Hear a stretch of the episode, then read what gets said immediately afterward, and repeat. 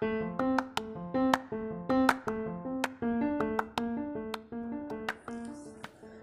Assalamualaikum warahmatullahi wabarakatuh. Selamat malam sahabat Star of Life Community. Nah, Hari ini kita melaksanakan kegiatan rutin yang kedua Minggu kedua tanggal 8 Mei 2020 Ya, terima kasih bagi teman-teman yang masih tetap berada di grup Star of Life Community Ya, jadi untuk hari ini kita tidak ada penyampaian materi ya jadi hari ini uh, saya akan menyampaikan sedikit tentang peraturan dan flow komunitas ini ke depannya.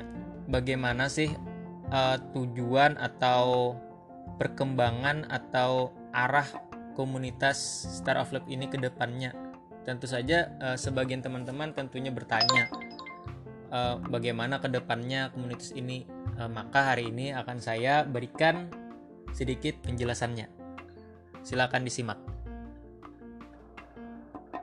Jadi, teman-teman, untuk yang pertama saya akan menyampaikan sedikit tentang peraturan dari komunitas Star of Lab ini. Yang pertama peraturannya itu sederhana aja, teman, bahwa di grup ini kita harus bersikap santuy, baik dan sopan. Karena apa? Kita tentunya mencintai sebuah lingkungan diskusi yang ramah. Kita harus saling menghormati dengan sesama member dan jangan saling hujat. Itu nggak baik.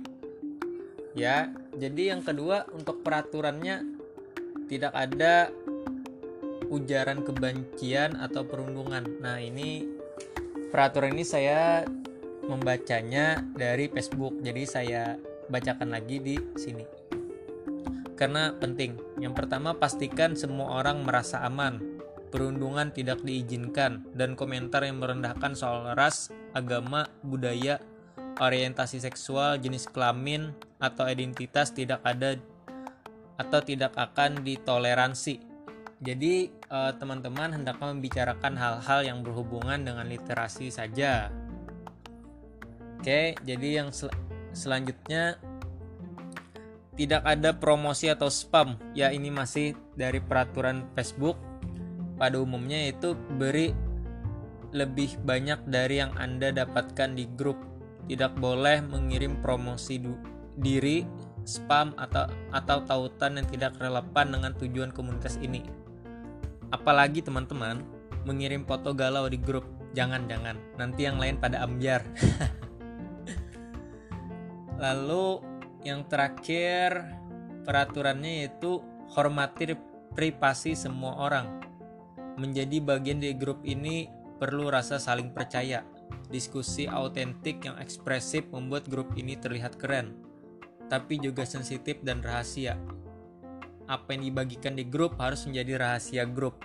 Ya, ingat ya teman-teman, apa yang dibagikan di grup harus menjadi rahasia grup. Jangan dibagikan ke grup lain dan jangan juga apa yang kita bicarakan di sini dijadikan gosip dengan tetangga sebelah rumah itu jangan jangan jangan ya hmm.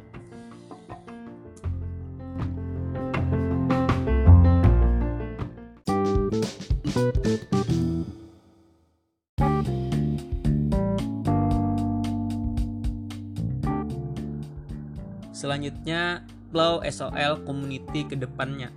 Pertama, mengadakan kegiatan rutin setiap Jumat pukul 20 waktu Indonesia Barat. Kalau di Banjarmasin itu jam 9 malam.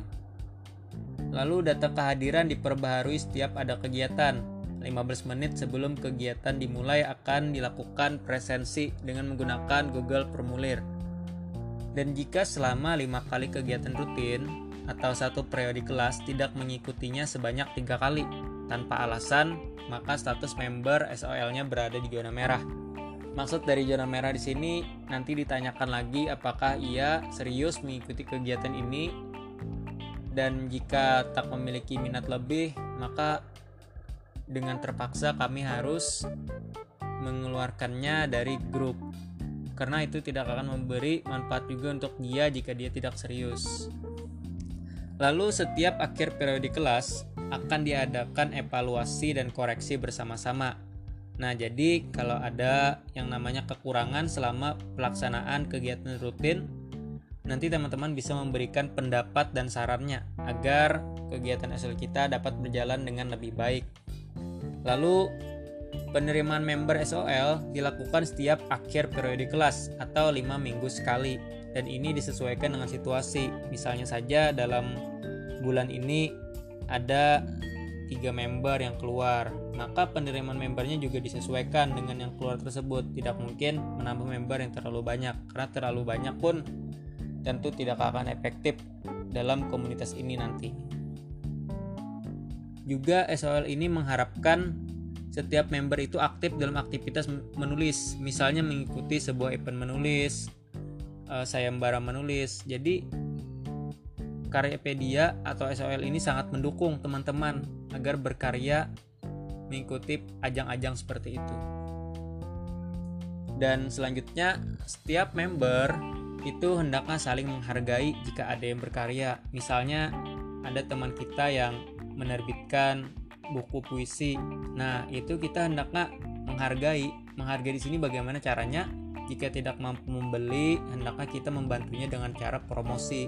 Promosi ini pun bisa kita lakukan melalui Instastory, feed IG, Facebook, atau melalui Insta eh, Insta WA atau status WA lah, story WA. Lalu SOL ini mengharapkan adanya kepengurusan komunitas yang baik dan solid akan ada kegiatan menulis buku antologi bersama dengan sesama member tapi ini masih belum uh, dilaksanakan mungkin pada pertemuan-pertemuan selanjutnya dan SOL ini mengharapkan kita bisa mengadakan seperti acara seminar, menulis online, launching buku atau bedah buku.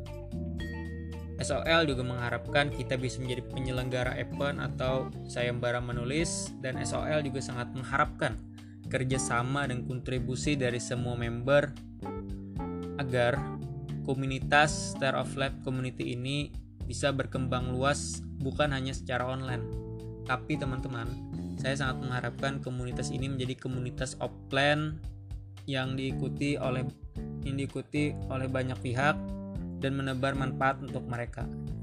Nah, itu. Jadi barangkali itulah tadi sejumlah peraturan dan flow atau harapan dari SOL ini ke depannya. Nah, di sini saya sekali lagi mengharapkan yang namanya kerjasama dan yang namanya kesadaran dari sesama member agar membantu SOL ini berkembang lebih baik. Lalu juga di sini saya mengajak teman-teman yang belum bergabung di grup Facebook Startup Lab Community harap segera segera bergabung karena grupnya sudah ada yang merupakan rename dari komunitas Karyapedia yang berdiri sejak 2017 lalu. Jadi sudah ada sekitar 450 anggota. Jadi teman-teman yang belum silahkan bergabung. Jadi mungkin uh, grup Facebook itu bisa kita gunakan sebagai ajang diskusi juga selain di WhatsApp ini. Nah, itu. Terakhir dari saya, saya hilap salah hilap mohon maaf. Assalamualaikum warahmatullahi wabarakatuh.